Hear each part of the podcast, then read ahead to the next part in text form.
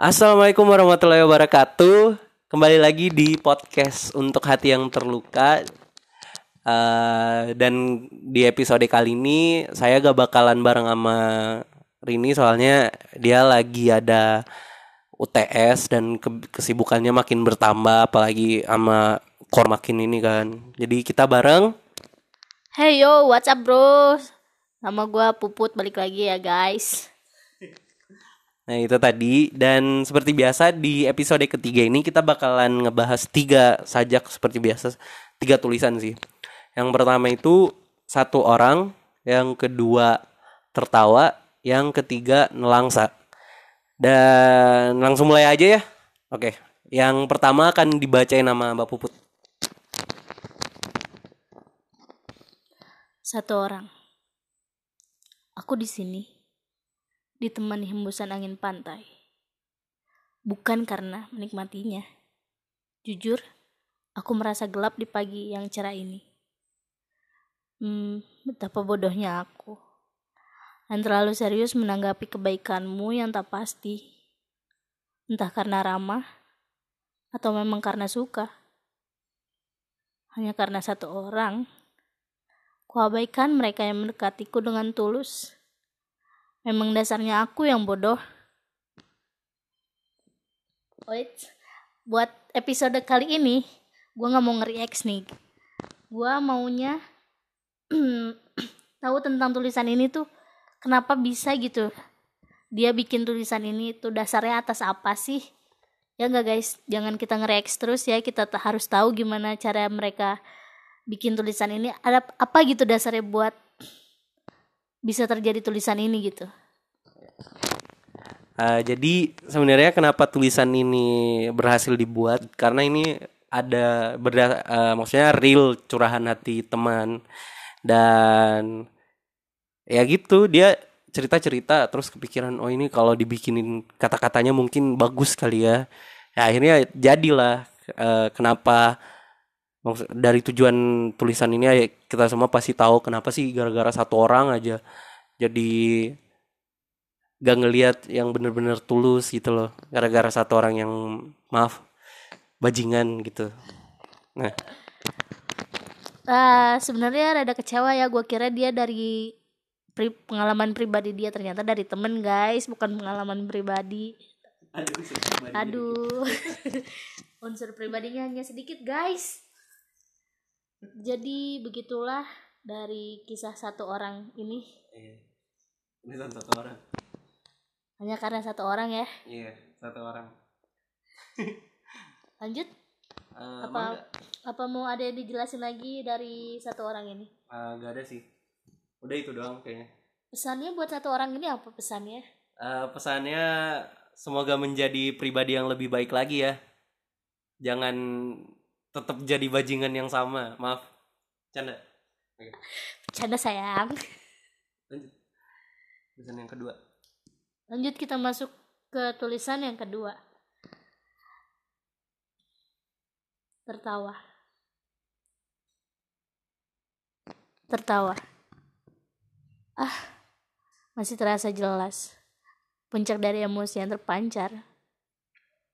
Di momen itu tatapan orang sekitar yang kebingungan bisikan kecil yang mereka bisikan kecil mereka yang masih terdengar melihat kondisiku yang tertawa pasti bingung mereka Memang benar sih, puncak kesedihan seseorang biasanya tertawa. Huh, tertawa guys. Padahal tahu jelas ya sebenarnya tertawa itu bukan karena sebenarnya emang emosi ya tertawa itu ya guys. Terus dari emosi ini apa yang kepikiran jadi tertawa gitu? Bukan ya puncaknya kenapa harus tertawa gitu? Bukannya yang lebih sedih itu ada lagi ya? uh, kenapa uh, ini bener-bener real ya maksudnya ini kejadian nyata waktu zaman zaman SMP itu eh iya iya, iya zaman zaman SMA deh maaf di zaman SMA itu saya sempet dibully kan maksudnya bully segala macam tapi kayak diem doang apa segala macam gak gak terlalu mikirin kan. Dan ada satu momen di mana yang itu bener-bener rasanya sedih banget dikatain dikatain seperti itu. Jadi akhirnya ya udah ketawa doang nggak tahu kenapa tiba-tiba pengen ketawa ketawa ketawa ketawa. Orang-orang pada bingung kenapa sih. Padahal sebenarnya mah nggak tahu mungkin refleks diri sendiri doang akhirnya jadi ketawa dan tahu oh ternyata puncak kesedihan manusia itu ya ketawa. Kayak gitu sih. Ya sih. Emang tertawa sih bisa menebar kadang tapi nggak ada yang tahu dari makna tertawanya Iya. sendiri itu apa ya. Ada yang tersembunyi di balik tawa itu sebenarnya. Tersembunyi di balik tawa bukan di balik tepung ya. Hei, lucu terus tertawa. Gimana ya? Eh ada pernah gue baca apa ya? Eh manusia itu sakit emang karena dari mulut. Oh. kadang semuanya dari mulut. Lu mau lu mau makan apa dari mulut terus yang keluar pun apa dari mulut. Jadi bikin sakitnya pun dari mulut. Hmm. apa itu ya? Gue lupa tuh kata-katanya yang bener kayak gimana. Pokoknya hati-hati ketika berucap karena omongan itu kadang nggak salah tapi nggak bener juga. Siap siap siap. Lanjut? Lanjut lanjut gak lanjut kan nih guys? Iya lanjut dong. Lanjut ya. Masih ada pembahasan satu lagi ini nih. yang final nih paling bagus. Agak Uh, hmm. Ini, Mbak, enggak. Oke. Jarang mereka menyadari situasi ini. Bahkan aku. Tapi selalu kita merasakannya saat bahagia, marah, takut, dan tentu saja sedih. Indah sebenarnya keadaan ini, tetapi hanya setelah kita melaluinya, tersadar mengapa bisa merasakan dan melewatinya. Mengapa aku bisa? Mengapa? Apa aku benar sekuat itu? Kemudian senyum tersimpu setelah mengatakan ini, entah dalam hati ataupun secara langsung. Aduh, nelangsa guys, maaf ya tadi belepotan. Eh, sebenarnya dari tulisan pertama, kedua sama ketiga ini nyambung gak sih? Eh, ya kalau udah ngelihat dari satu dua tiga itu emang ini eh, bisa dicocok logiin kenapa? Karena kan eh apa ngerasain udah ngerasain kecewanya di ini nama orang lain gara-gara satu orang doang kan. Itu kecewanya luar biasa. Terus ngerasain lagi. Dan itu kenapa di tulisan kedua jadinya tertawa? Itu waktu nelangsa yang terjadi. Itu nelangsa yang dirasain. Makanya nyambung sama tulisan ketiga. Dan di ketiga ini di mana keadaan kita udah sadar bang. Ih ternyata bisa loh lewatin situasi itu. Bisa loh apa menguatkan diri sendiri untuk bangkit ngelewatin apa yang dikatakan orang orang-orang itu nelangsa gitu gitu sih Nelangsa.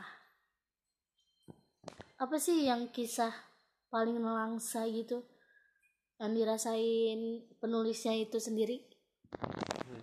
saya Yang pernah dirasain gitu, paling nelangsa di hidupnya. kalau nelangsa mungkin ini ya apa eh, waktu sebenarnya masih kuliah sih semester 2 kuliah itu maksudnya karena ngerasain ngerasain apa? Apa ya gimana ya? Susah ngatainnya karena ada kesalahan doang eh, kesalahan yang mungkin gak terlalu gimana gimana tapi malah di apa ya dibesar-besarkan. Nggak nggak tahu sih dibesar-besarkan atau gimana ya.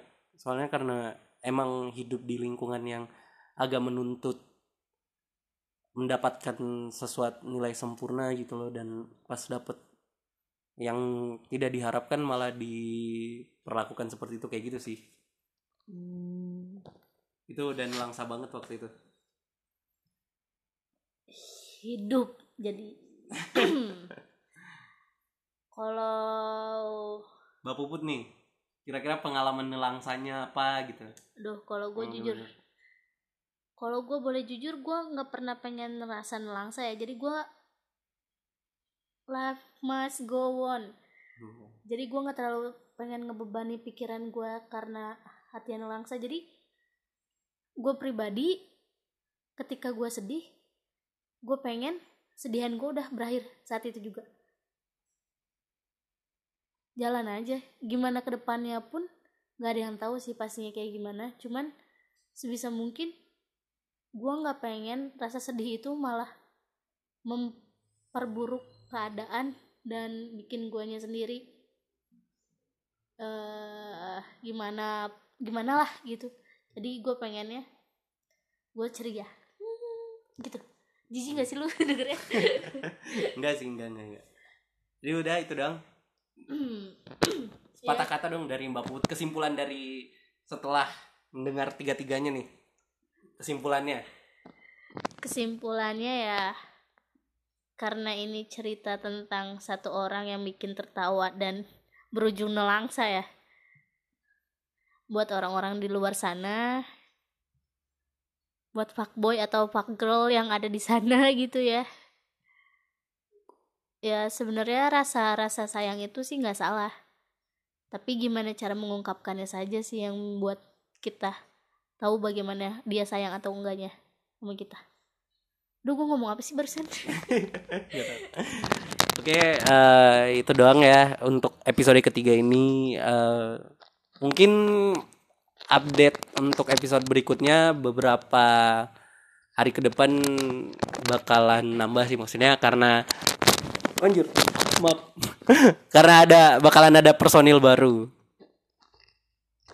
jadi ya stay tune aja ya. Pokoknya jangan lupa terus dengerin jangan pernah bosen intinya. Apalagi spesial nih karena ada Mbak Puput jadi kita gak terlalu kaku-kaku banget lah. Oke saya Andi Mapijanci Sofyan saya puput. Ya. Sign off. Bye bye assalamualaikum warahmatullahi wabarakatuh